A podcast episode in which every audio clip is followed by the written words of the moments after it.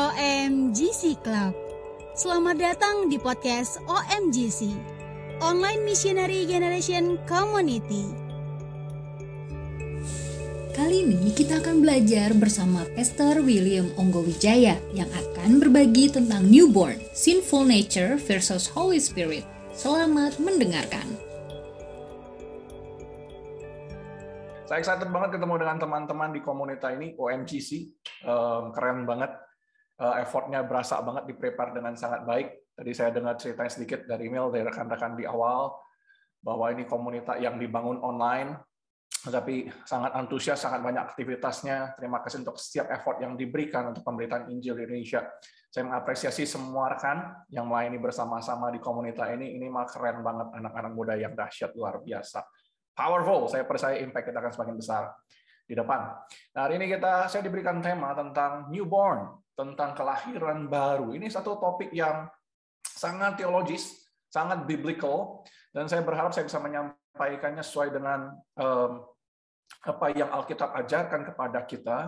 Kita mau belajar dalam topik tentang kelahiran baru, tentang lahir baru, apa itu lahir baru, apa itu bukan lahir baru, bagaimana kita menemukan tanda-tanda orang yang lahir baru, apakah mudah ditemukan, apakah apakah mudah menemukan orang sudah lahir baru atau tidak hanya berdasarkan apa yang dia tunjukkan dalam ibadah dalam hari minggunya di gereja? Bagaimana kita perlu mengevaluasi diri kita pada topik ini? Newborn juga berbicara dengan dua topik yang berkenaan yang dekat sekali dengan hal tersebut itu berbicara dengan tentang keberdosaan kita tentang dosa tentang bagaimana peran Roh Kudus dalam kehidupan kita dan apa yang Roh Kudus lakukan dalam melahir baru dalam kelahiran baru kita ini topik yang broad, saya berusaha menyampaikannya dengan cara yang simple, sesederhana mungkin.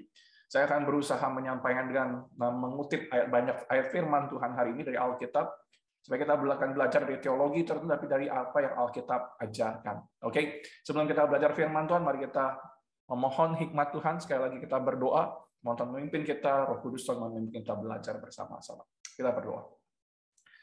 Bapak di dalam surga, kami bersyukur Tuhan untuk kesempatan kami boleh bertemu secara virtual pada malam hari ini. Kami bersyukur kesempatan yang kau berikan, kami bersyukur kerinduan. Sebenarnya kami bisa melakukan banyak aktivitas yang lain Jumat malam seperti ini. Kami bisa saja mengambil waktu untuk hangout bersama dengan sahabat-sahabat kami, keluarga kami, orang-orang yang kami kasihi. Namun, waktu kami menemukan satu dengan yang lain dalam komunitas ini, secara virtual, hamba mau percaya bahwa ini adalah orang-orang pribadi-pribadi yang telah kau berikan kerinduan untuk boleh berjumpa untuk mulai membangun persekutuan dan belajar firman Tuhan bersama-sama. Maka biarlah engkau memberkati setiap hati, memberkati setiap pribadi yang hadir pada malam hari ini, dan memberkati setiap rekan dari OMGC Indonesia yang telah memprepare semuanya untuk kami bisa belajar dengan firman Tuhan.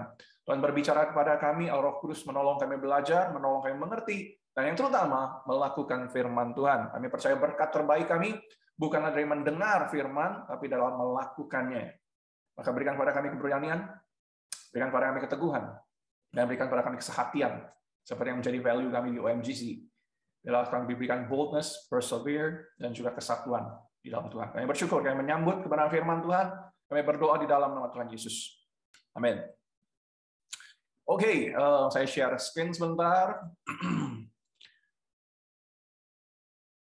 share screen, oke. Okay. Baik, ini temanya yang kita belajar hari ini. Saudara, berapa banyak di antara kita yang pernah mendengar kisah tentang Jim Elliot? Jim Elliot adalah seorang murid Tuhan, dia sangat mengasihi Tuhan. Dia dikenal sebagai seorang yang memberikan hidupnya untuk menjadi missionary di Ecuador, seperti yang kita lakukan sekarang. Kita dididik, kita melatih diri kita, kita belajar sejak usia masih muda-muda, masih imut-imut. Beberapa saya lihat masih imut-imut ya banyak sih kayaknya ya. uh, ya masih dari dari masih sangat muda belajar firman Tuhan, menaruh hati kita buat Tuhan dan bermisi. Kalau kita melakukan pelayanan secara digital, Jim Elliot tahun 50-an dia memberitakan Injil untuk di hatinya adalah untuk suku-suku pedalaman di Ekuador. Dia mengambil waktu bertahun-tahun untuk mempelajari bahasa mereka. Tentu saja bukan bahasa Ekuador secara umum, tapi bahasa daerah yang ingin dia jangkau, tentu saja bukan effort yang mudah dia berikan, dan dia selalu mencari kesempatan untuk membawa Yesus, membawa nama Yesus kepada suku di pedalaman Ekuador tersebut. Satu hari awal Januari 1958, Jim Elliot bersama dengan empat orang rekannya terbang pakai pesawat kecil itu di gambar sebelah kanan. Dengan pesawat kecil itu empat orang terbang dan mereka landing di satu pulau kecil, satu daerah kecil, dan untuk menjumpai suku yang bernama suku Auka, Auca tulisannya. Di Auka, Auka itu terkenal suku yang sangat kejam, membunuh banyak orang asing yang mencoba mendekati mereka. Jadi mereka sangat tertutup kepada orang asing. Namun herannya Jim dan dan rekan-rekannya berani mendekati suku tersebut karena karena hati mereka yang Tuhan berikan untuk suku tersebut. Nah, waktu mereka sampai di sana, landing awal tahun Januari tersebut, mereka berhasil membangun kontak dengan beberapa orang dari suku Auka tersebut. Berhasil berkomunikasi dengan bahasa apa ya, bahasa tubuh tentu saja karena tidak bisa berkomunikasi secara clear. Kelihatannya bisa connect dengan baik, namun situasinya berbalik dengan cepat. Januari 56, 58 tersebut, 56 maksud saya, Jim Elliot akhirnya menjadi martir. Mati tidak lama, hanya berselang dua hari setelah mereka mendarat di suku Auka. Mau mati meninggalnya karena apa? Meninggalnya menjadi martir ditombak oleh suku tersebut, ditombak tanpa bisa membela diri. Nah, waktu dia sebelum dia menjadi martir, dia pernah menulis satu kalimat setelah dia lulus dari Wheaton College di Amerika tahun 1949 dia menulis kalimat He is no fool who gives what he cannot keep to gain that which he cannot lose. Terjemahan Indonesia-nya bukan orang bodoh yang memberikan apa yang tidak bisa ia pertahankan untuk mendapat apa yang tidak bisa hilang. Saya ulang sekali lagi ya. Bukan orang bego yang memberikan apa yang tidak bisa kita pertahankan, dalam pengertian kita sekarang kita mengerti apa yang Elliot katakan bukan orang bodoh yang memberikan nyawanya karena nyawa itu tidak bisa dipertahankan untuk mendapatkan apa yang tidak bisa hilang yaitu apa? Surga dan kekekalan. Dia memberikan nyawanya toh nyawanya siapa? Karena kita manusia yang kita pasti akan mati untuk mendapatkan apa yang tidak bisa hilang yaitu surga. Dan yang hidup apa yang dia katakan sampai akhir hidupnya. Dia merelakan hidupnya terbatas menjadi berkat menjadi berkat bagi banyak orang. Hasil pelayanannya tidak pernah terlihat di tahun-tahun pertama di suku Auka tersebut. Hanya berserang beberapa tahun kemudian, satu demi satu, satu demi satu, anggota suku Auka yang terkenal kejam, satu demi satu mengenal Kristus dan menjadi satu daerah yang sampai akhirnya percaya kepada Kristus. Majority percaya kepada Yesus Kristus sebagai Tuhan dan Juru Selamat. Kisahnya tentu saja menjadi inspirasi bagi banyak orang. Sampai kita menemukan namanya, kita bisa berjumpa dengan kisah ini. Tapi ini menjadi pertanyaan buat kita. Kalau kita berbicara tentang lahir baru, apakah orang lahir baru itu harus seperti Jim Elliot? Yang pergi dari misioneri, memberikan nyawanya pergi ke suku pedalaman, apakah itu baru lahir baru namanya? Karena banyak orang berpikir lahir baru itu adalah kalau kita pergi ke gereja, kita bisa mengangkat tangan, kita bisa menaikkan pujian, sambil mencucurkan air mata, wah itu orang kelihatannya udah lahir baru.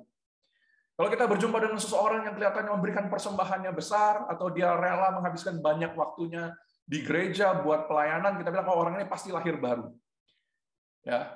Kalau dulu eh, ada orang-orang pergi ke gereja hari Minggu berjalan di jalan-jalan pegang Alkitab, orang mikir wah ini pasti Kristen, pasti sudah lahir baru. Gitu ya. Apakah lahir baru bisa ditandai, bisa kita lihat, bisa diukur hanya berdasarkan apa yang kita lihat di permukaan? Jawabnya tentu saja tidak demikian. Karena lahir baru secara teologi, secara biblical, berbicara apa yang terjadi di dalam kita. Bukan terjadi pada casing kita, tapi terjadi pada apa yang apa pada roh Tuhan yang bekerja pada roh kita. Uh, waktu kita berpikir soal lahir baru, kalau lahir baru harus seperti Jim Elliot, kita mungkin merasa wah berat sekali gitu ya. Karena apa? Karena kita berpikir alih-alih hidup mengorbankan nyawa buat Tuhan, banyak kita hari ini masih bergumul dengan kehidupan rohani kita sendiri.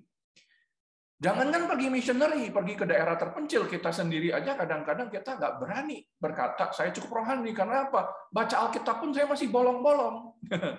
ya ikut komsel juga jarang-jarang gitu. Wah, gimana caranya aku bisa berkata aku lahir baru gitu. Kalau kita mikirin membandingkan roh atau kehidupan kita dengan Jim Elliot, kita nggak berani gitu. Karena apa? Karena kita masih jatuh bangun dalam melawan dosa. Kita masih naik turun dalam kehidupan iman kita. Dan ada waktunya bahkan, sebagai orang percaya yang sudah kenal Kristus, ada waktunya kita ragu. Apakah Tuhan itu masih mengampuni dosa kita yang kita lakukan itu bolak-balik? Saya mendampingi beberapa rekan muda yang bergumul dengan pornografi dan free sex bahkan di kota Bandung, Jakarta.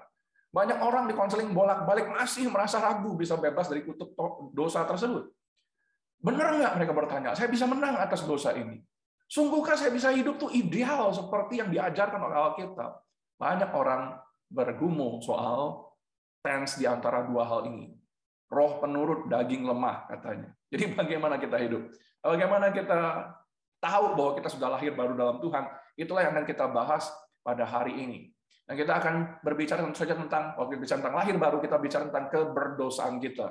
Karena dosa adalah sesuatu yang real, yang kita hadapi setiap hari. Dan dosa adalah sesuatu yang harus kita jadikan musuh kita, something to fight, something to fight for something we should against to it each and every day.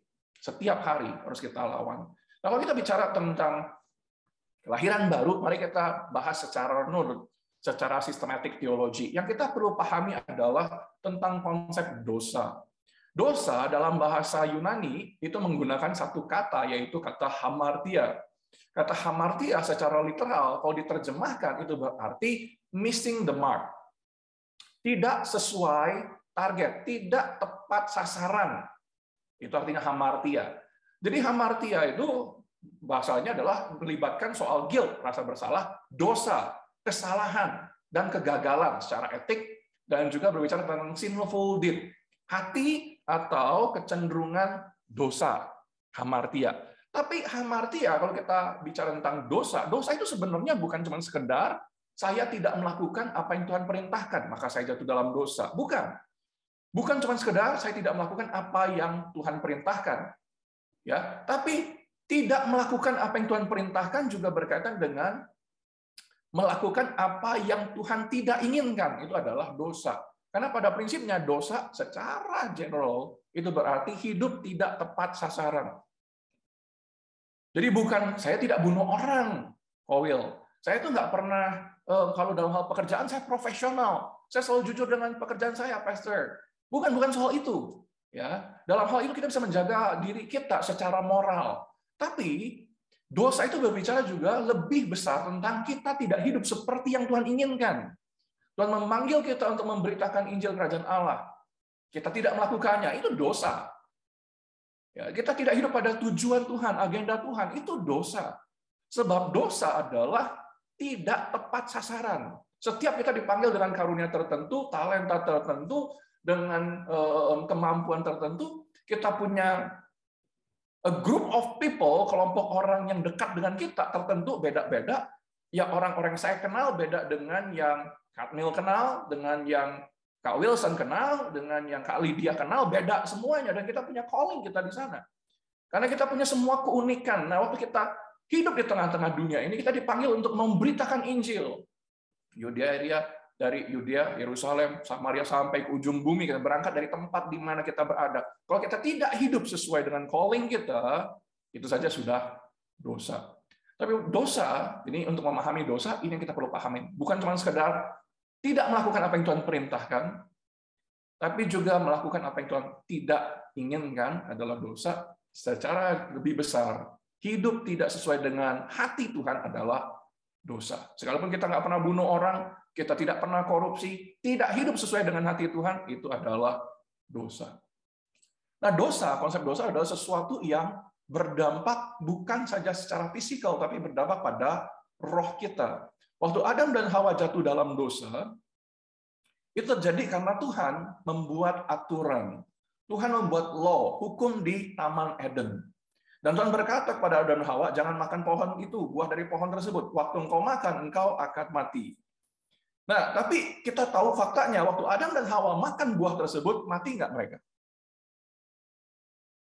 Mati nggak langsung? Enggak kan? Enggak mati langsung mereka secara fisik. Bahkan mereka tidak seperti cerita Ananias dan Safira misalnya. Mereka berbohong, langsung death, mati gitu kan. Itu langsung sudden death istilahnya. Tapi dalam kasusnya Adam dan Hawa tidak langsung mati mereka nya. Tapi yang tapi apakah ada kematian? Ada kematian spiritual, spiritual death yang terjadi lebih dulu, putus hubungan dengan Tuhan karena dosa masuk dalam relasi antara kita dengan Tuhan. Dan ini adalah Akibat dari dosa, dosa memutuskan hubungan kita dengan Tuhan secara roh. Kita putus hubungan dengan Tuhan, itu spiritual death. Maka Adam dan Hawa nggak bisa lagi berjumpa dengan Tuhan muka dengan muka. Mereka nggak bisa lagi berjumpa dengan Tuhan dengan bebas seperti sebelum mereka melakukan dosa tersebut. Jadi yang pertama terjadi adalah kematian rohani kita. Putusnya hubungan kita dengan Tuhan. Baru efek keduanya adalah kematian secara fisik. Adam dan Hawa kemudian mati. Mereka tidak akan hidup selamanya. Dan betul, tidak ada manusia yang akan hidup selamanya. Semua Adam dan Hawa, semua keturunannya pasti manusia berdosa, pasti mati. Akibat apa? Keberdosaan manusia. Tapi bukan cuma itu saja. Spiritual death, physical death, tapi ada yang disebut sebagai eternal death. Eternal death adalah bahasa yang yang yang kalau kita pakai bahasa orang-orang dunia sekarang neraka. Eternal death adalah kematian kekal, lawan kontras dari hidup kekal. Kalau kita berdosa, eternal death, kita akan berakhir pada kematian kekal. Dan next, yang lebih besar dari itu adalah bahwa kita tidak mati kekal sendirian. Adam dan Hawa mengakibatkan dosa itu terjadi turun-menurun. The federal effect of sin. Karena satu orang berbuat dosa, si Adam, semua orang membawa kecenderungan berbuat dosa.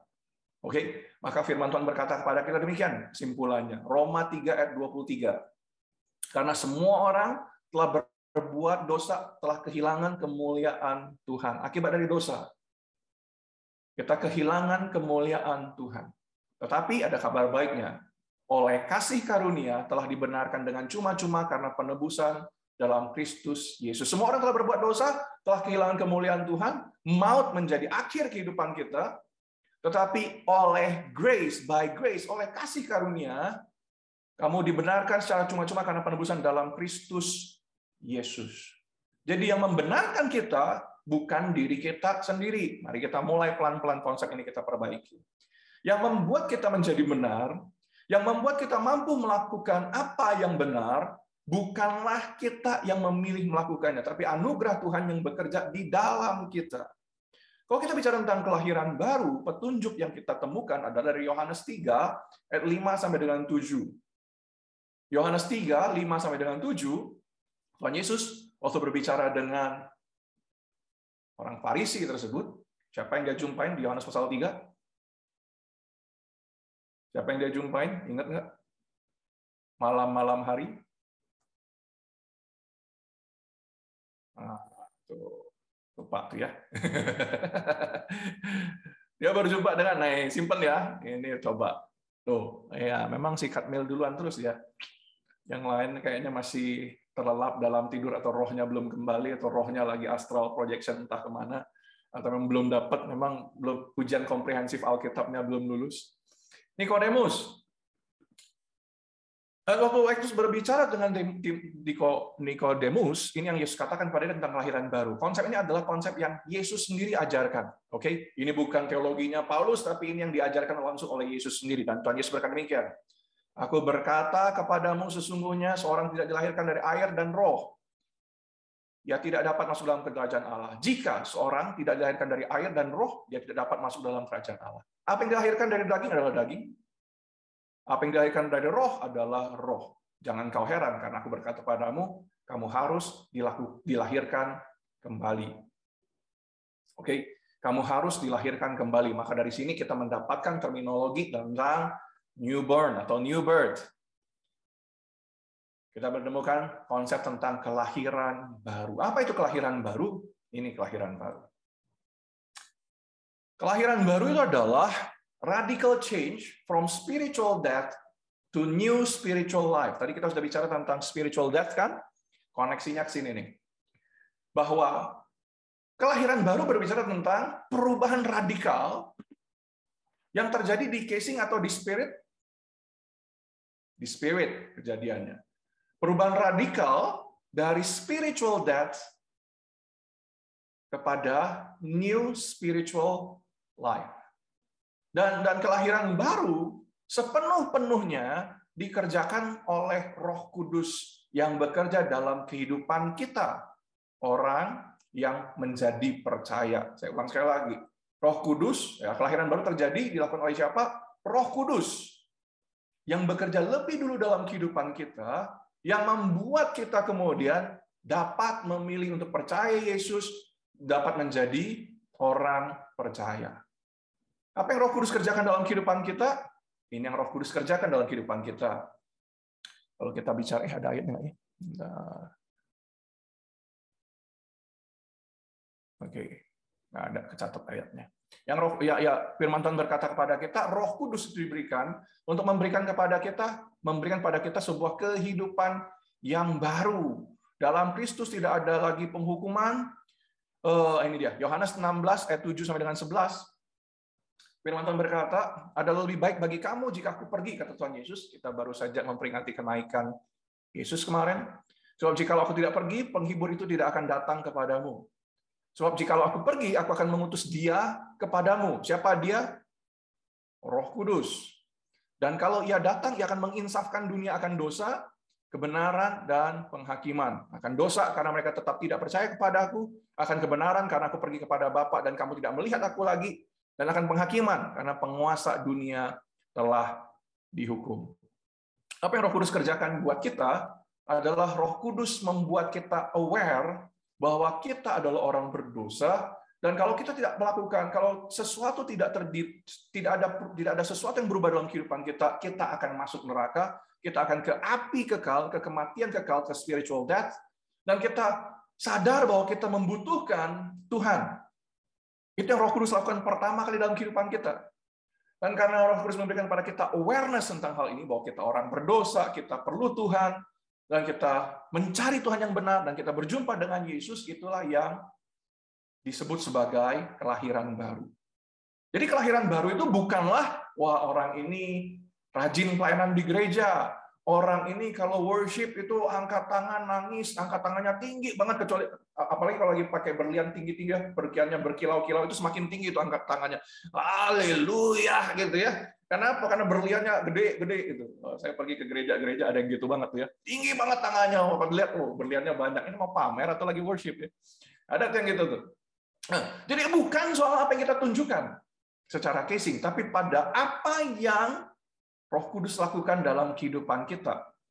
Sampai akhirnya kita bisa percaya. Entirely done by the Holy Spirit, who first worked in one's life. Ini yang disebut sebagai kelahiran baru. Oke, mari kita bedakan dulu antara conversion, pertobatan, dan repentance. Jadi ada dua perspektif, bukan ada dua perspektif, ada dua hal yang terjadi dalam pertobatan kita. Yang pertama itu ada conversion, lalu kemudian ada yang disebut sebagai repentance. Dua-duanya terjemahkan dalam bahasa Indonesia pertobatan. Tapi sebenarnya ini adalah dua konsep yang rada berbeda. Yang pertama conversion. Waktu conversion terjadi, kita merespon kepada Injil. Jadi conversion adalah kita meresponi firman Tuhan, kita meresponi berita anugerah, berita Injil yang berkata, kamu orang berdosa, namun Kristus mati untuk penebusan dosamu, barang siapa percaya akan diselamatkan, dan Kristus memberikan anak yang tunggal supaya setiap orang percaya tidak binasa, melainkan beroleh hidup yang kekal. Kita mendengar berita ini, lalu kita meresponi Injil. Itu adalah conversion. Jadi dalam conversion, kita mengakui keberdosaan kita. Sehingga kita bisa menerima Kristus sebagai Redeemer, penebus dosa kita.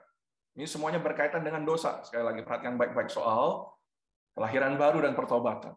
Jadi apa yang kita lakukan dalam conversion, dalam pertobatan kita, kita meninggalkan kehidupan kita yang dosa yang lama untuk membangun kehidupan yang memuliakan Tuhan. Nah, conversion terjadi once for a lifetime. Conversion terjadi hanya satu kali dalam seumur hidup kita. Bedanya dengan repentance, pertobatan setiap hari adalah apa? Karena ada khotbah pertobatan setiap hari. Firman Tuhan mengajarkan bertobat setiap hari. Itu bukan bicara tentang conversion. Karena conversion terjadi pertama kali waktu Roh Kudus berbicara kepada kita, menyadarkan kita, lalu kita percaya kepada Yesus. Tapi dalam perjalanan setelah kita convert, kita repentance. Nah, repentance setiap hari berbicara tentang proses pengudusan kita. Itu adalah ini yang baru kelihatan, transformation of attitude. Perubahan dari sikap, gaya hidup, karakter kita, kebiasaan kita yang semakin serupa Yesus. Dalam repentance itu adalah bicara tentang proses, proses pengudusan. Apa yang kita lakukan dalam pertobatan? Ya tetap sama, meninggalkan dosa kita yang lama untuk hidup memuliakan Tuhan. Nah, beda dengan conversion adalah conversion terjadi sekali dikerjakan di inisiat pertama oleh Roh Kudus, repentance, pertobatan kita seterusnya, proses pengurusan kita berjalan setiap hari seumur hidup. Oke, jadi sampai sini saya berharap kita minimal udah memahami konsep basic dari kelahiran baru. Jadi kelahiran baru sekali lagi bukan sekedar ditandai oleh apa yang terjadi di casing, tapi mengakui apa yang Tuhan kerjakan, Roh Kudus kerjakan di dalam diri kita di level roh yang terdalam. Oke? Kalau ada pertanyaan nanti bisa ditanyakan ya. Nanti kita bisa diskusi bareng-bareng. Saya akan mencoba melakukannya dengan cepat. Jadi apa yang kita bisa perhatikan kemudian adalah dalam dalam kehidupan kita sebagai orang percaya, kita sama dengan Paulus.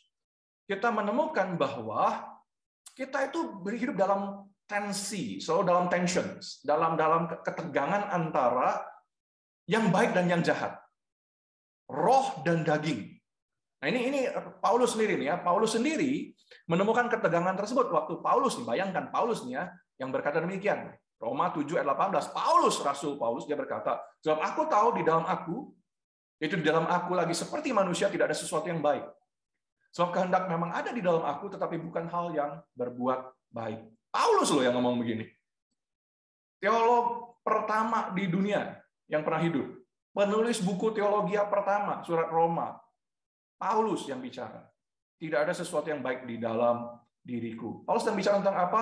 Peperangan rohani yang terjadi di dalam, in spiritual level. Dan dia berkata kemudian di Roma pasal 8 ayat 21 sampai dengan 26, jika aku menghendaki berbuat apa yang baik, yang jahat itu ada padaku.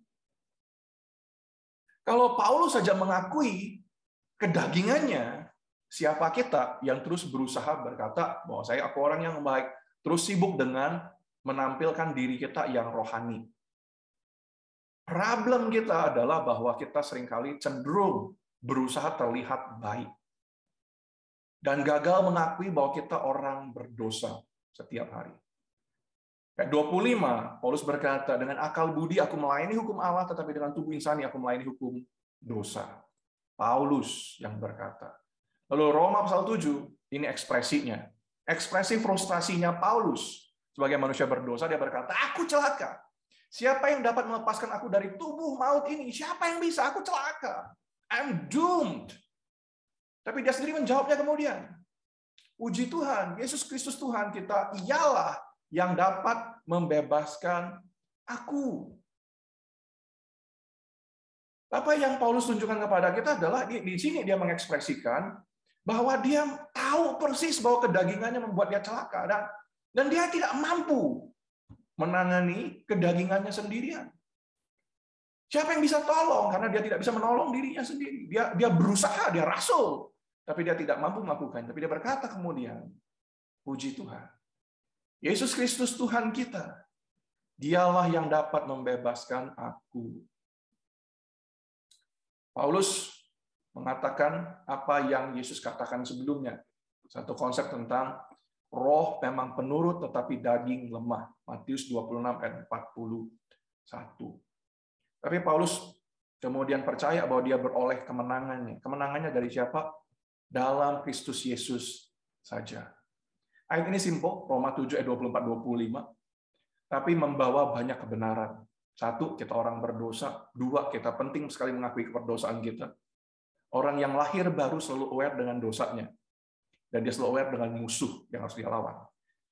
Orang yang lahir baru pada saat yang sama juga tahu siapa yang mampu menyelamatkan dan siapa yang mampu menolong. Yesus Kristus. Bagaimana kita bisa menerima, mendapatkan pertolongan, kuasa rohani dari Kristus Yesus? mentuhankan dia, mentuhankan Yesus dalam kehidupan kita. Menarik sekali bukan? Dia berkata, puji Tuhan, Yesus Kristus Tuhan kita. Kalau dia berkata Tuhan kita, dia menaruh Yesus sebagai Tuhan. Sebagai Tuhan yang kita memang intentional Tuhan kan.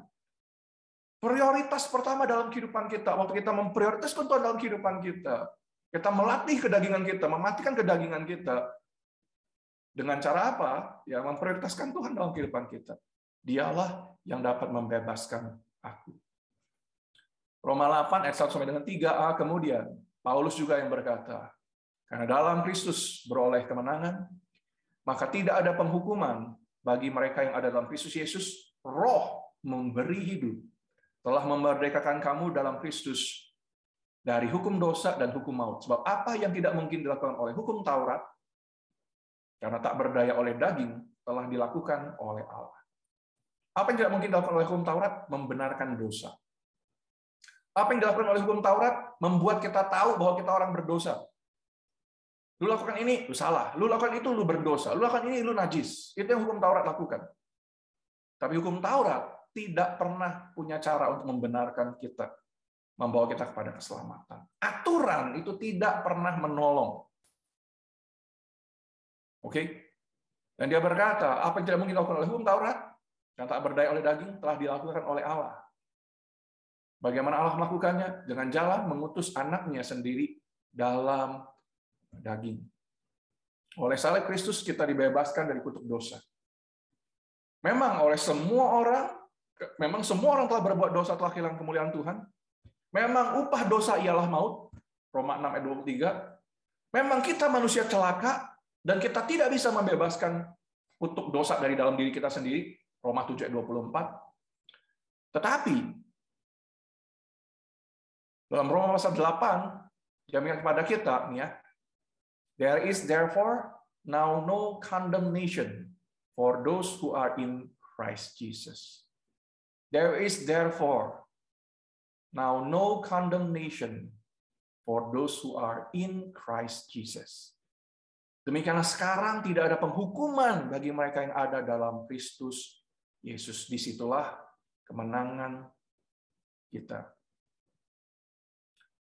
Di situlah kekuatan kita. Nah, bagaimana kita bisa aware akan hal ini? Semua ini, awareness kita akan keberdosaan kita, awareness kita bahwa kita perlu hidup baru, itu terjadi karena Roh Kudus yang menginsafkan kita akan dosa kita, mengajarkan kepada kita kebenaran, dan mengingatkan kepada kita tentang penghakiman. Siapa yang melakukan ini bagi kita? Bukan pendeta kita, bukan lagu pujian yang kita nyanyikan, bukan buku teologi yang kita baca. Yang melakukan ini semua, menolong kita aware sampai dengan saat ini adalah hanya Roh Kudus Tuhan saja. Entirely done by the Holy Spirit alone. Kelahiran baru menolong kita diubahkan dari dalam keluar. Dan roh bekerja dari dalam sampai akhirnya kita membawa kesaksian Kristus keluar. Nah, dalam pergumulan kita dengan dosa, kita berjumpa lagi bahwa kita ini orang yang messy sebenarnya. Tapi kita punya Tuhan yang menjumpai kita dalam brokennya kita. Dari saya dengar kesaksian kali dia, broken, keluarga broken. Tapi perjumpaan dengan Kristus secara pribadi mengubahkan kehidupannya. Kita semua broken.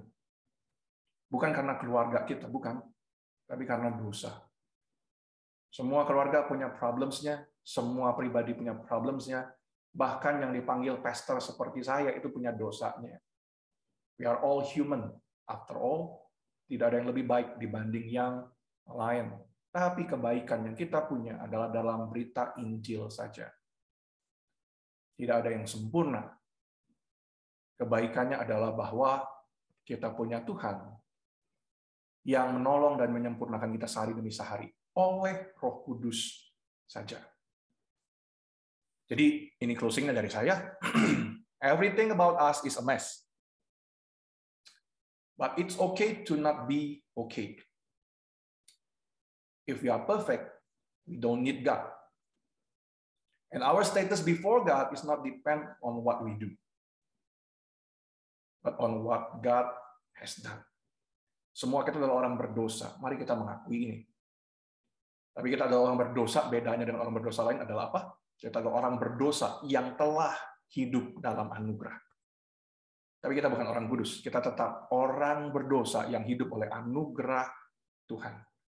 Dan selama kita hidup dalam dunia, kita tetap akan messy, kita kan masih kerja, kita masih punya bisnis, kita punya pekerjaan, Dan kita sekali-kali bisa salah dalam pekerjaan kita. Kita bisa sekali-kali gagal dengan apa yang dipercayakan kepada kita. Dan kita sekali-kali akan berjumpa dengan orang-orang yang berantakan juga di sekitar kita. Please be generous. Kalau Tuhan sudah mengampuni dosa kita dengan grace, Tuhan mengajarkan kepada kita untuk mengexercise grace, memberikan anugerah, mengexercise belas kasihan, mengexercise pengampunan untuk orang-orang yang melukai kita. Kalau kita sempurna, kita nggak perlu Tuhan. Kita messed up. But it's okay to not be okay. Jadi kehidupan kita sebenarnya tidak bergantung pada apa yang kita lakukan. Status kita di sorga itu tidak bergantung pada apa yang kita lakukan. Tapi semuanya bergantung pada apa yang Kristus lakukan bagi kita di atas kayu salib itu. Inilah berita Injil yang selalu harus didengar untuk orang-orang berdosa yang belum kenal Kristus di luar sana, juga orang-orang yang berdosa di dalam gereja yang sering kali kita bisa lupa dan menjadi sombong tanpa kita sadar, merasa diri kita lebih baik dari orang lain, dan itu bukan tanda dari orang yang lahir baru. Orang yang lahir baru, tandanya adalah dia selalu tahu semua orang adalah orang berdosa. Orang yang lahir baru ditandai salah satu karakternya adalah dia mampu menghidupi grace yang telah dia terima. Kemudahan untuk memberikan pengampunan untuk orang yang melukai kita, kemudahan untuk mengasihi tanpa mengharapkan apa ya benefit balik tanpa mengharapkan balasan. Itu adalah apa yang Kristus teladankan bagi kita, dan itu adalah apa yang Roh Kudus kerjakan dalam kehidupan kita, mengubahkan segala perspektif kita dalam kehidupan, sehingga hanya dengan cara demikian dan hanya dengan cara demikian, hati kita untuk membawa Kristus kepada orang-orang yang belum berada di luar sana akan sangat mudah kita lakukan. Karena kita selalu aware, saya orang berdosa, tapi saya sungguh bersyukur karena saya sudah disentuh oleh Kristus. Ada banyak orang di luar sana yang masih frustasi dengan hidupnya. Mereka perlu berjumpa dengan anugerah Tuhan. Demikian aku akan hidup. Demikian aku akan melangkah. Demikian aku akan membawa Kristus dalam kehidupanku setiap hari. Dan kebenaran ini sebagai penutup seharusnya membuat kita merasa apa? Kenapa saya senang sekali berbicara tentang anugerah? Karena anugerah adalah apa yang membuat hidup kita menjadi ringan. You know what? Kalau kita mengerti sekali konsep anugerah Tuhan, itu akan membuat kita hidup setiap hari bergantung pada anugerah Tuhan. Kita tidak akan terlalu keras pada diri kita sendiri, tapi kita tahu untuk hidup dalam kebenaran yang yang Roh Kudus pimpin kita untuk menghidupinya setiap hari. Dan waktu kita gagal melakukan sesuatu, kita tahu Tuhan akan terus memberikan anugerahnya untuk menarik kita kembali lagi dan lagi. So, anugerah yang terbuka untuk setiap kita. Dan Tuhan selalu memberikan kesempatan kedua, ketiga, keempat, kelima, 70 kali tujuh kali katanya. Dan itulah yang membuat anugerah Tuhan menjadi sempurna. Jadi, biarlah apa yang kita belajar bersama-sama malam hari ini boleh menolong kita terus growing dalam anugerah Tuhan, growing memahami kelahiran baru kita bukanlah sesuatu yang bisa kita banggakan karena kita tidak melakukan apa pun, Ya, lahir baru itu bukan sesuatu yang kita bisa katakan aku sudah lahir baru, nggak bisa sebenarnya. Kita hanya bisa menunjukkan bahwa kita sudah lahir baru. Oke? Okay? Lahir baru bukan sesuatu yang kita katakan saya sudah lahir baru karena orang-orang di luar kita, teman kita, emak kita, mungkin kalau lihat kita kalau kita ngomong di rumah sama orang tua kita masih cenderung kasar. Nah, itu tidak menunjukkan lahir baru kita. You see, maksudnya lahir baru bukan sesuatu yang kita katakan atau kita proclaim, tapi sesuatu yang kita tunjukin. Tunjukkan bukan hanya waktu kita di gereja, tapi di dari orang-orang terdekat dengan kita. Keluarga kita. Yudea, Yerusalem, Yudea, Samaria sampai ke ujung bumi. Selalu mulai dari tempat terkecil kita untuk menunjukkan apa yang telah Tuhan Kristus, Tuhan Yesus perbuat dalam kehidupan kita. Amin. Mari kita berdoa sebelum kita ke Q&A. Mari kita berdoa. Bapak di dalam surga kami bersyukur untuk kebenaran firman Tuhan yang kami boleh belajar bersama-sama. Dan kami bersyukur sebab anugerah Tuhan yang memimpin kami membangun kehidupan kami sampai sekarang. Kami orang berdosa. Tidak ada seorang pun kami di antara kami yang lebih baik daripada yang lain. Dan kami mau mengakui anugerahmu. Dan sebab hanya dengan mengakui anugerahmu, kami menunjukkan dan kami mengembrace apa yang roh kudus kerjakan dalam kehidupan kami yang pertama dan terutama. Menyadarkan kami bahwa kami orang berdosa, kami membutuhkan anugerah Tuhan, menolong kami berjumpa dengan Kristus, mengenali panggilan kami kemudian untuk memberitakan Yesus kepada dunia yang membutuhkan Tuhan. Terima kasih untuk firman-Mu. Biarlah firman boleh menguji, mengevaluasi kehidupan kami ke depan. dan menolong kami hidup seperti yang kau rindukan. Supaya kelahiran baru kami bukan sesuatu yang kami banggakan, tapi kami sesuatu yang kami tunjukkan. Dengan pertolongan Roh Kudus Tuhan, kami percaya. Tuhan, tolong kami. Tuhan, tolong kami. Dan kami percaya Tuhan menolong kami setiap hari. Terima kasih Roh Kudus, kami mengandalkanmu setiap hari. Amin. Silahkan saya kembalikan lebih dulu. Mungkin ada yang akan memimpin kita malam hari ini. Kembali ke Lydia ya. Benar-benar. Hmm. Uh, sebelumnya terima kasih untuk uh, Pastor William yang telah memberkati kami dengan kebenaran firman Tuhan. Uh, terima kasih untuk sharingnya yang luar biasa. Dan ini udah ada beberapa pertanyaan sih, Pas.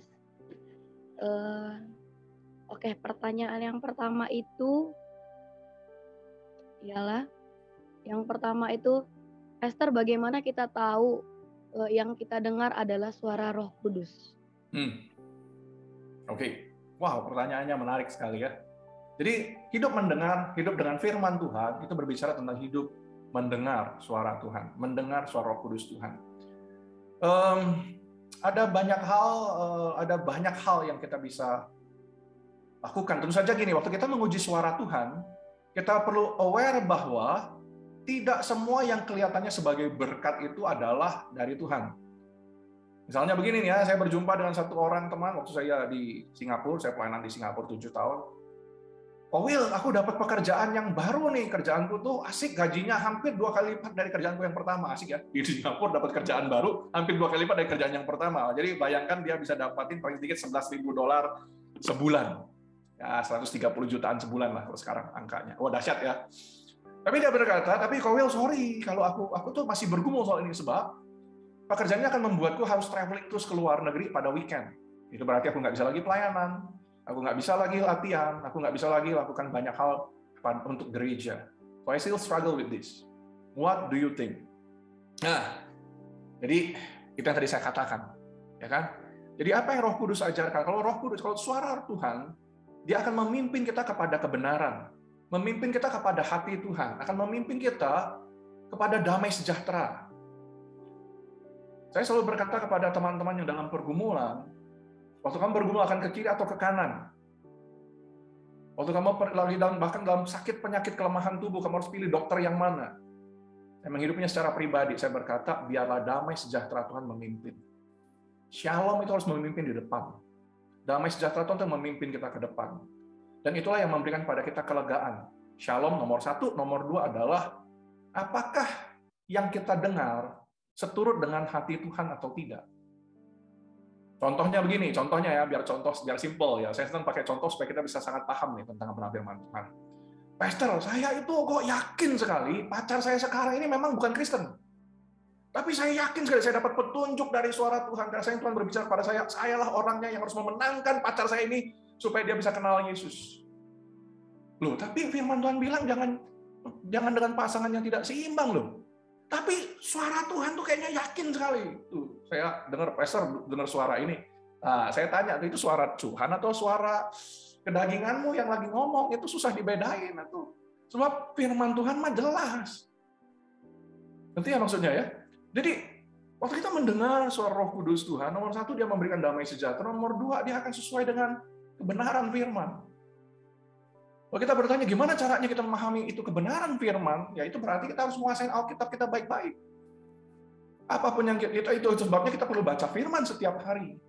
Itu sebabnya kita perlu beribadah secara rutin. Itu sebabnya kita perlu small group atau minzo tadi, minzo. Minzo, minzo ya, minzo ya mini Zoom. Nah itu tuh menolong kita, accountability partner yang menolong kita untuk growing di kelompok kecil. Uh, dan kalau kita ragu nih ya, kalau kita ragu nih, tanya sama leader kita, minzo leader kita misalnya. Tanya kepada pastor kita di gereja, cari petunjuk. Jadi jangan putusin sendiri. Sebab kita hidup tidak dirancang untuk hidup sendirian. Pertemuan kita dirancang untuk hidup bersama-sama. Eklesia itu adalah tubuh Kristus. Tubuh Kristus bukan satu tapi tubuh Kristus, umat Tuhan yang bersama-sama, accountable satu dengan yang lainnya. Jadi, satu, nomor satu tadi, apa? Nomor satu, shalom. Ah, oke, okay, very good. Nah, dengar tuh baik ya. shalom. Ya, shalom tuh harus memimpin, damai sejahtera memimpin. Begitu kita ragu-ragu, itu udah shalom nggak mimpin kan? Mulai nanya tuh, kudu nanya sudah samping, gitu. Jadi dia sesuai dengan hati Tuhan atau tidak? Kalau kita masih ragu, ini kayaknya aku juga nggak ngerti dia sesuai dengan Tuhan apa enggak ya. Wah, bacaan Alkitabku kayaknya kurang ya. Coba tanya deh. Tanya Kak Kasih kayak mungkin ya. Tanya Kak siapa, Kak Mia mungkin gitu ya, kontak mereka. Tanya minzo leader kita atau pastor kita di gereja. Minta hikmat. That's how you do it. Baca firman. Kalau ragu, baca firman. Jangan baca buku, baca firman dan itu akan menolong. Mungkin itu yang saya bisa jawab singkat cepat. Memang case-nya bisa beda-beda macam-macam ya, tapi rasanya dua contoh yang tadi saya kasih sudah memberikan cukup petunjuk. Hati-hati dengan ego kita, hati-hati dengan kedagingan kita. Karena kita bisa mengcover kedagingan kita dengan bahasa rohani. Oke, okay, thank you. Kalau masih belum jelas nanti ditanyain lagi ya. Intinya tuh kembali lagi kepada kita harus paham akan firman Tuhan. Yes. Bisa membedakan apakah itu suara Roh Kudus atau suara roh halus. Nah, gitu. itu ya. Roh halus beda suaranya. gitu cenderung ya. Oke, okay. next nih Pastor. Pertanyaannya, Pastor bagaimana dengan orang yang sudah lahir baru tapi masih berbuat dosa? Padahal mereka itu tahu bahwa itu dosa atau bahkan dia melakukan dosa yang sangat berat.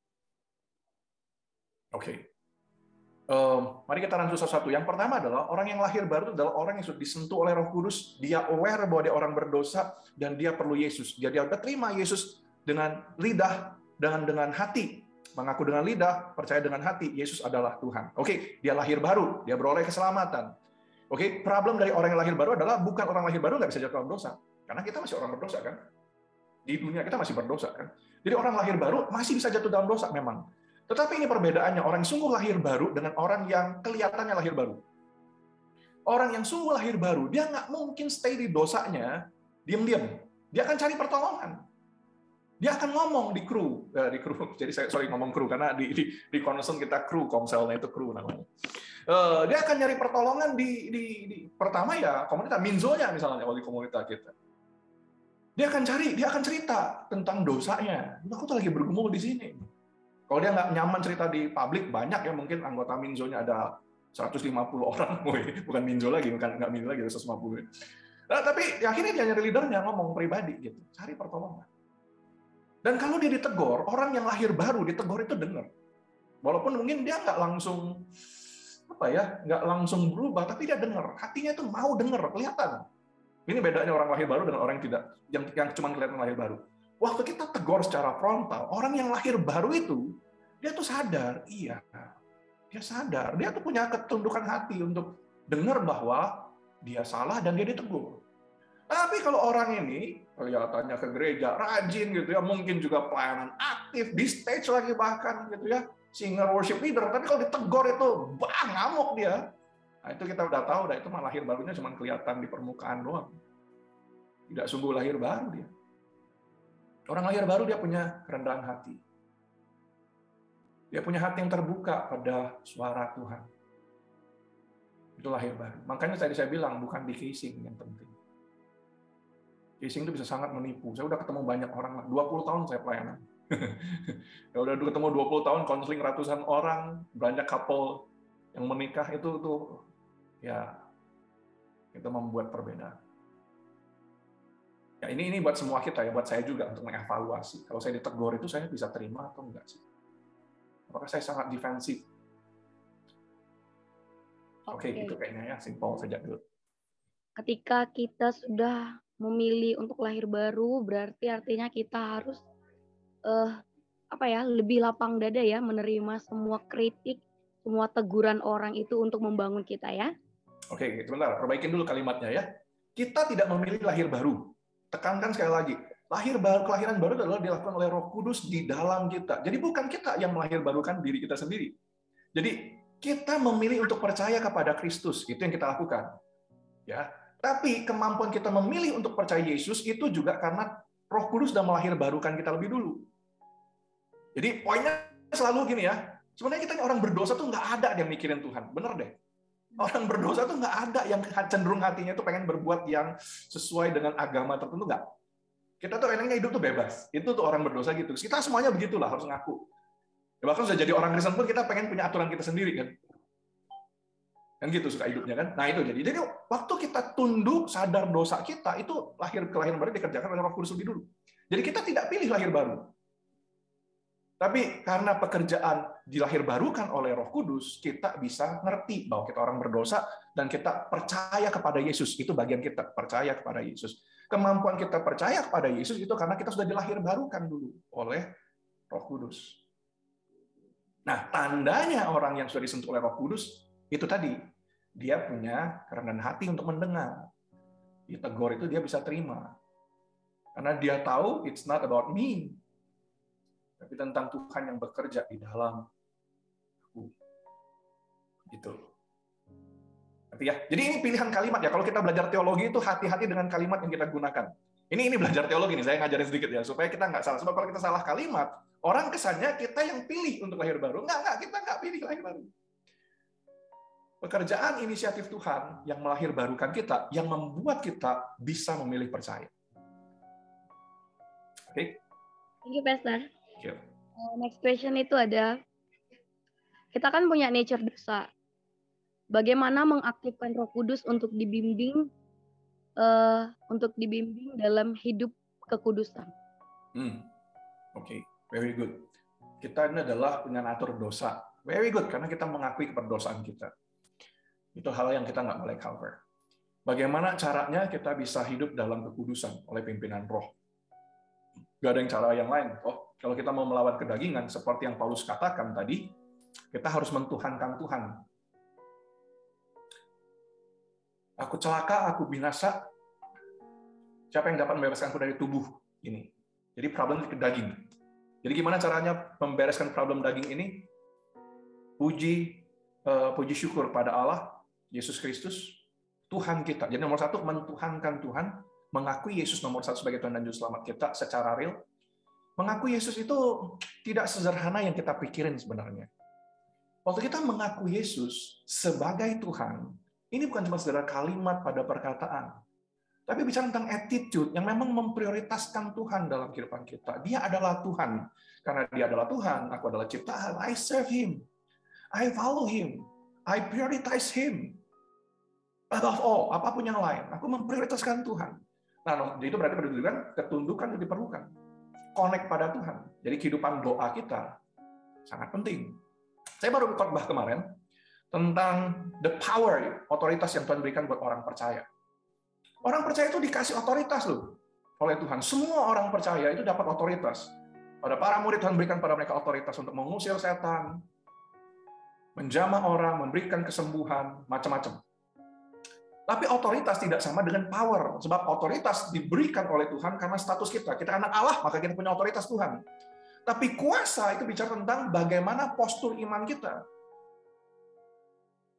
Ya kan? Waktu-waktu Tuhan Yesus naik ke atas gunung, Yesus dimuliakan, murid-murid yang lain tinggal di bawah gunung. Ada seorang papa datang ke murid-murid yang lagi di bawah gunung tersebut, waktu Yesus dimuliakan, guru uh, ini anakku ini kerasukan setan tolong diusir tolong ditolong gitu ya nah murid-murid usir setan nggak bisa dia waktu Tuhan Yesus turun dari gunung hari berikutnya bapak ini ngomong kepada Tuhan Yesus aku sudah minta tolong muridmu tapi mereka nggak bisa ngusir apa yang dikatakan oleh Tuhan Yesus kepada para murid entah berapa lama lagi kamu harus degil kenapa kamu tidak percaya ini kepada para murid dia berkata kenapa kamu tidak percaya Lalu murid-murid juga tanya, kenapa kok kami nggak bisa usir setan yang ini? Bab jenis ini itu harus doa dan puasa. Waktu itu Tuhan Yesus berkata kepada murid Bapak, kamu tuh mengandalkan dirimu sendiri. Memang kamu punya otoritas dari Tuhan. Semua orang bisa ngusir setan. Cuman kalau kita postur iman kita tuh lemah, aku takut sama setan. Ya kita mana bisa ngusir setannya tuh. Itu yang namanya posture of faith, postur iman. Postur roh kita, itu tuh harus muncul ke permukaan.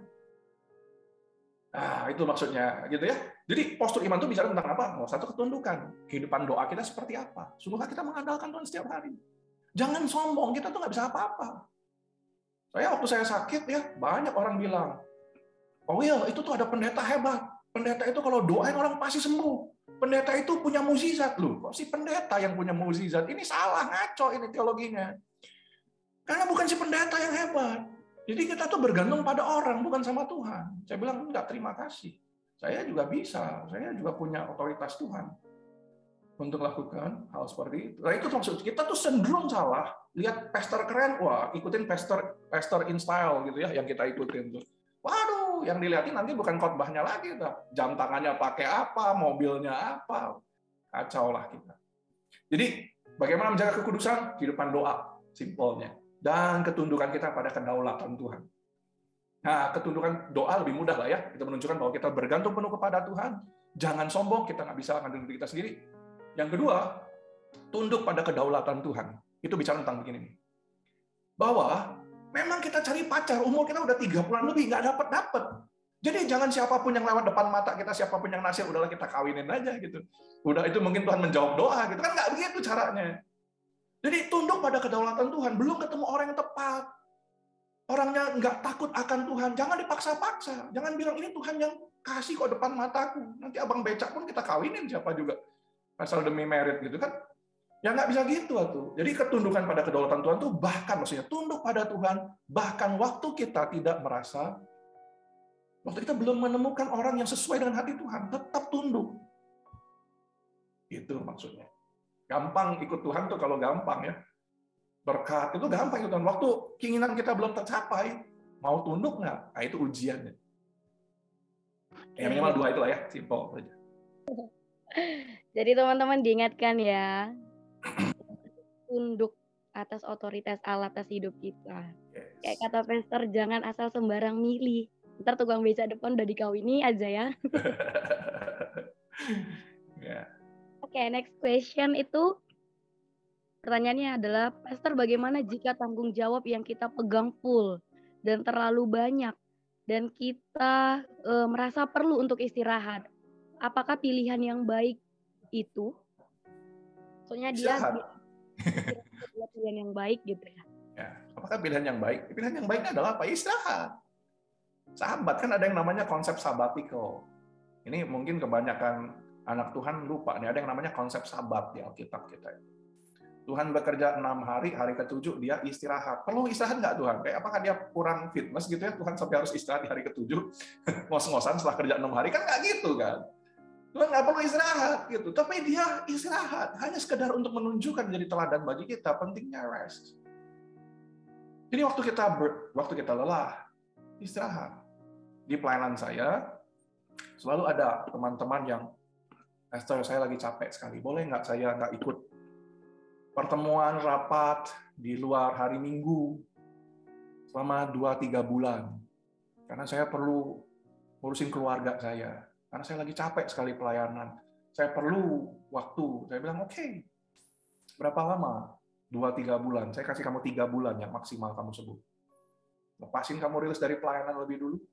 Tanggung jawabmu dipercayakan ke orang yang lain. Siapa yang bisa gantiin kamu? Bagi-bagi berapa orang? Istirahat. Istirahat itu penting Istirahat itu penting. Saya juga istirahat. Saya kalau sabatikal, saya sabatikal. Kalau saya liburan, saya matiin handphone. Gitu ya, kalau saya pergi liburan nih, cuti nih, saya cuman saya udah bilang kepada penatua saya, tim terdekat dengan saya, saya akan liburan tanggal sekian sampai tanggal sekian. Um, saya mau family time. Ini penting buat saya refresh. Please jangan telepon saya kecuali sangat mendesak gereja kebakaran, ya aku kan nggak bisa pulang ngurusin gereja kebakaran, bilang kebakaran. Ya udah itu mah didoain aja, kasih tahu aja gitu ya. Tapi misalnya ada sesuatu yang mendesak lah. Eh, misalnya ada yang yang cerai ngedadak, pemukulan keluarga atau apa yang sangat mendesak, yang sangat major. Gereja diserang oleh organisasi massa gitu ya. Nah itu tuh telepon saya. Tapi selain itu, jangan kasih saya waktu istirahat. Dan kalau tim saya sedang jalan-jalan, saya tidak kontak mereka untuk bicara tentang pelayanan. Kalau mereka lagi di Bali, saya telepon misalnya, wah gimana nih, jalan-jalan ke mana aja, gitu hari ini, makan apa aja, wah bikin iri, sudah tutup, nggak ngomong soal nanti hari Minggu siapa yang pelayanan, lu udah mikirin ini belum, desain ini udah jadi belum ya kemarin lu janji ngomong ngomong udah jadi bikin, nah itu nggak nanya, nggak usah ditanyain, orang lagi istirahat tuh biarin istirahat. Kita satu dengan yang lain, saling menghargai sahabat kita masing-masing. Jadi simpel ya, kelihatannya sangat simpel mungkin, tapi um, yang saya mau katakan adalah kita semua tuh perlu istirahat. Dan kita perlu teman dengan siapa kita bisa berbagi beban waktu kita sedang beristirahat. Itu akan sangat menolong kita. Kalau kita nggak punya teman untuk berbagi waktu kita sedang, waktu kita perlu istirahat, ada yang salah dengan pelayanan kita. Kita jadi kita merasa kita jangan-jangan kita jadi rasa jadi juru selamat buat pelayanan kita tersebut. Seakan-akan kalau nggak ada saya, gereja saya, pelayanan saya tuh nggak bisa berjalan. Siapa bilang? Kalau kita membuat gereja kita berjalan, komunitas kita nggak bisa berjalan tanpa kita, itu berarti ada salah yang kita lakukan dengan pelayanan kita. Salah, itu ya Wilson ya. Salah itu ada di, di Mazmur itu ada salah, rest, tarik nafas. Dan itu melanjutkan worship, kehidupan worship kita lagi. Waktu salah itu apakah kita berhenti worship? Enggak. Salah adalah bagian dari worship in action. Istirahat adalah bagian dari kehidupan penyembahan kita. Karena Tuhan bilang, kuduskanlah hari sabat. Rest. Itu. Jadi kita nurut sama Tuhan. Jangan jadi Tuhan. Oke. okay? Oke, berarti eh, sama seperti Tuhan yang pada hari ketujuh dia berhenti, maka untuk anak-anak Tuhan yang mungkin dia lelah, jenuh dalam pelayanannya, ada kalanya mungkin juga dia mengambil rehat ya Pastor ya untuk dia mungkin uh, berliburan atau dia mengambil waktu berdiam diri sejenak gitu ya. Hmm. Oke, pertanyaan terakhir datang dari moderatornya sendiri. ya, monggo, monggo. Double question sih kayaknya nih. Oke. Pertanyaan dari dia itu uh, di dalam Mazmur nih kalau nggak salah jangan pernah ambil kaki dianmu dari hidupku. Dan kaki dian itu kan berbicara dengan roh Allah yang hidup dalam hmm. hidup kita ya. Uh, bagaimana sih Esther kita merasakan bahwa uh, kaki dian itu tetap ada di dalam hati kita dan Tuhan nggak saya nggak ngambil nggak ngambil rohnya di dalam hidup kita dan uh, selanjutnya kan kita baru memperingati hari kenaikan Tuhan Yesus nih tertulis di kisah para rasul 1 ayat, ayat 6 sampai 14 nih kalau nggak salah di ceritanya. Dan di dalam ayat keberapa gitu aku lupa dia bilang aku mengutus kamu dari Yerusalem, Yudea hingga sampai Samaria. Dan Yerusalem itu uh, acap kali uh, dibilang sebagai keluarga. Ya, Yerusalem itu sering kali dibilang orang keluarga Yerusalemku, keluargaku gitu ya gimana sih pastor uh, kita nih orang yang sudah lahir baru mungkin masih kita doang yang lahir baru di keluarga itu gimana untuk cara kita memenangkan Yerusalem kita gitu ya ini berat nih pertanyaannya yang pertama soal kaki diam jadi uh, the presence of God itu bisa meninggalkan kita nggak? Saya bisa tentang the presence of God. Bisa tinggalin kita nggak? Bisa. Itu cuma terjadi karena kedegilan hati kita. Ingat masa di mana Israel 400-700 tahun tidak ada suara nabi yang terdengar, suara Tuhan tidak lagi berbicara, tidak ada nubuatan dan penglihatan. Itu waktu di mana Tuhan meninggalkan. Kalau pakai bahasa Tuhan, dia memalingkan wajahnya dari orang Israel 700 tahun dan mereka merasakan pahitnya. Apakah Tuhan senang memalingkan wajahnya? Tidak. Tapi dia lakukan. Kenapa? Untuk membuat orang Israel sadar apa yang mereka telah take for granted. Apa yang mereka miliki dari Tuhan, mereka nggak sadar. Dan mereka bangga dengan diri mereka sendiri, mereka merasa diri mereka hebat. Mereka melakukan banyak dosa dan kesalahan. Tuhan memalingkan wajah dari mereka. Jadi one point. Kalau kita berdoa, Tuhan, jangan biarkan rohmu berlalu daripadaku. Maka tunduk taat adalah caranya. Kemudian banyak orang kehilangan apinya selama pandemi. You know why? Karena kita meninggalkan ibadah kita. Kita meninggalkan komsel kita, small group kita. Pertama kita rasa, aduh kok nggak bisa ke gereja? Aduh kok nggak bisa ketemu teman-teman komsel? Tapi setelah dua tiga bulan, hari Minggu kita mulai pergi naik sepeda sama teman-teman yang lain. Begitu waktunya balik, ini grup sepeda lebih asik daripada gereja. Ya nggak balik lagi. Nah api itu bisa pudar karena apa? Karena sepeda. Oh sorry bukan. Api itu bisa pudar karena ya karena memang kita menjauhkan diri dari pertemuan-pertemuan ibadah kita. Yang yang Tuhan bilang kan, jangan jauhkan dirimu dari pertemuan ibadah. Baca firman. Firmanmu adalah terang. Firmanmu pelita bagi kaki itu terang bagi jalanku. Connect dengan firman. Connect dengan komunitas. Api kita mati kalau kita nggak dengan komunitas. Pasti. Karena kita nggak dirancang hidup sendirian. Jadi Adakah kemungkinan Tuhan meninggalkan kita? Ada, tapi itu terjadi sangat-sangat kecil waktu kita betul-betul berontak sama Tuhan. Tuhan memalingkan wajahnya sekedar untuk membuat kita well. You cannot walk without me. Itulah kenapa doanya di perjanjian lama. Lord, if your presence doesn't go with us, we don't want to leave this place. Lalu Tuhan berkata kepada Musa, Yosua dan kawan-kawan, kamu pergilah ke tanah perjanjian. Aku nggak ikut, kata Tuhan. Mereka berkata, Lord, nangis. Kalau enggak, Tuhan enggak bersama dengan kami, kami enggak mau pergi ke tanah perjanjian. Walaupun bejak susu dan madunya, kami enggak mau pergi. Pokoknya kami mau kehadiranmu. Your presence is everything. Nah, hati kita masih itu. Setiap saat. God's presence in our life. Itu soal kakidian. Oke, jadi api roh kita adalah apa yang kita juga perlu jaga. Yang kedua tadi soal apa ya? Tiba-tiba lupa.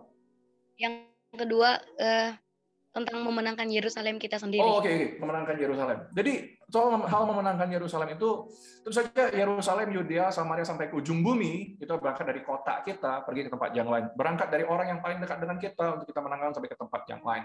Bagaimana cara memenangkannya? Ya tentu saja kita perlu membawa kesaksian hidup yang baik. Ya, kita perlu berdoa bagi setiap anggota anggota keluarga kita. Ini pergumulan yang berat, saya percaya. Saya juga melewatinya bertahun-tahun. Papa mertua saya belum bertobat sekarang kalau teman-teman pernah ikutin khotbah saya di Cornerstone, saya pernah sharing personal tentang hal ini. Bagaimana saya berdoa, papa saya berdoa untuk kakek saya tuh belasan tahun tanpa ada jawaban sama sekali. Tapi dia tidak berhenti berdoa. Supaya papanya bisa kenal Tuhan. Karena kakek saya berkata, kamu jangan urus agama agama saya. Kamu punya agama kamu sendiri, kamu urus sendiri, saya punya pegangan saya sendiri. Jadi papa saya berhenti ngajak kakek saya pergi ke gereja, tapi dia berdoa, berlutut setiap hari. Satu hari, kakek saya telepon. Sudah tua, kakek saya telepon Ming jemput saya, saya mau pergi ke gereja. Nggak pernah ada lagi yang ajak, nggak pernah ada lagi yang ajak, nggak pernah ada lagi bicara tentang Yesus, tapi dia mau pergi ke gereja. Dia pergi ke gereja, dua tiga minggu kemudian dia percaya kepada Tuhan Yesus. Berapa bulan kemudian dia dia dibaptiskan, setelah dibaptiskan dia nggak bisa ke mana-mana lagi. Dia berbaring dua tahun kemudian dia meninggal dunia, sudah kenal Yesus. Jangan berhenti berdoa untuk keluarga kita, tunjukkan kesaksian hidup yang baik. Istri saya juga sama, dia orang pertama yang jadi Kristen di keluarganya berdoa bertahun-tahun, sepupunya dimenangkan, sepupu yang lain dimenangkan. Satu keluarga sepupunya semuanya percaya pada Tuhan Yesus, tinggal papa mamanya. Sekarang saya berdoa untuk mama mertua saya. Dua tahun lalu, mama mertua saya. Tiga tahun lalu, mama mertua saya pergi ke gereja. Percaya kepada Tuhan Yesus. Dibaptiskan. Dia hari ini baca Alkitab. Sehari, dua, tiga kali. Kalah si pendeta juga ya. Dua, tiga hari baca pendeta. Nah, saya berdoa untuk papa mertua saya. Saya tidak akan berhenti berdoa untuk papa mertua saya. Dan saya akan menunjukkan kesaksian hidup baik kepada dia. That's how I do it. Percayai Tuhan. Percayai Tuhan. Jangan berhenti, tunjukkan kesaksian hidup yang baik. Amin. Terima kasih Pastor untuk menjawab pertanyaan moderator yang double vision. Yes. Thank you banyak semuanya. Oke nih Pastor, kita sudah ada di akhir mau dengar nih closing statement sekali lagi dari Pastor untuk menguatkan setiap uh, kami nih anak-anak OMGC bagaimana seharusnya kita yang sudah diberi anugerah kita boleh menghidupinya di dalam uh, grace itu sendiri. Yes. Jadi hal terakhir tentu saja yang paling penting untuk kita jangan nggak pernah boleh lupa adalah berita Injil. Perhatikan message hidup kita. Message hidup kita, apalagi di tim OMGC, yang berangkat dari hati anak-anak Tuhan yang mau memberitakan Yesus secara intentional, membangun um, grup ini, menaruh effort dan energi kita. Stay faithful, stay fruitful. Apa pun yang kita lakukan untuk Injil itu tidak ada yang sia-sia. Tidak ada yang sia-sia. Saya share satu hal untuk menutup ini. Tiga minggu lalu ada seorang teman, anggota jemaat, bukan anggota jemaat Cornerstone, tapi dia jemaat gereja lain, yang ikut khotbah saya setiap minggu katanya saya khotbah dia ikutin khotbah saya dia ngepost satu kali khotbah saya beberapa bulan yang lalu dia taruh di postnya itu ya udah biarin Tapi dua tiga minggu lalu dia berkata, dua orang berturut-turut, dua orang dalam konteks yang berbeda, satu ateis, satu orang Katolik yang sudah lama sekali nggak ke gereja, tiba-tiba berkata kepada si teman saya ini, namanya Fanny. Dia bilang, Fan, gua ngikutin pendeta lu tuh yang satu itu tuh, gitu ya. Dan aku pengen ke gereja dong. Wah ini satu ateis, satu orang yang Katolik sudah lama sekali. Nah, kaget juga kan teman saya ini namanya Fanny, Loh, kenapa? Itu waktu kamu post satu post itu, itu sangat kena di hati saya. Lalu saya ikutin, tuh saya cari pendeta yang kamu ikutin itu siapa. Lalu saya dengerin khotbahnya setiap minggu. Dan saya sangat bersyukur karena dia bertumbuh. Dia bilang, saya saya pengen kenal Tuhan. Saya pengen datang kepada Tuhan lagi. Saya pengen ke gereja. Dan dia mencari Tuhan di sana. Karena apa? Satu post. Satu post Kadang-kadang satu post kita kadang-kadang mungkin nggak terlalu banyak orang respon apa yang kita kerjakan. Tapi apa pun yang kita kerjakan buat Tuhan, sesuai dengan hati Tuhan, God will make a way. Kita mungkin tidak selalu melihat hasil yang kita kerjakan. Saya entah berapa lama teman-teman sudah memulai grup seperti ini. Stay faithful. You are doing the right thing. You are doing the business of the kingdom of God. Tuhan bersama dengan kita dalam pelayanan ini. Jadi jangan menyerah, keep growing. Message kita adalah kita semua orang berdosa, kita semua perlu Tuhan. Tuhan yang kita kenal, Yesus satu-satunya memberikan apa yang kita perlukan. Keselamatan kita, kekuatan kita, pertolongan kita, sampai kepada kekekalan. Apa yang lebih baik dari itu? Stay true with our message. Let's go strong together. Blessing buat pelayanannya, OMGC. Thank you.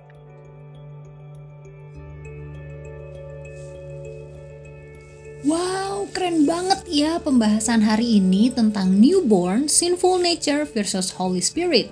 Yuk kita belajar bahwa lahir baru adalah perubahan radikal dari kematian rohani ke kehidupan rohani.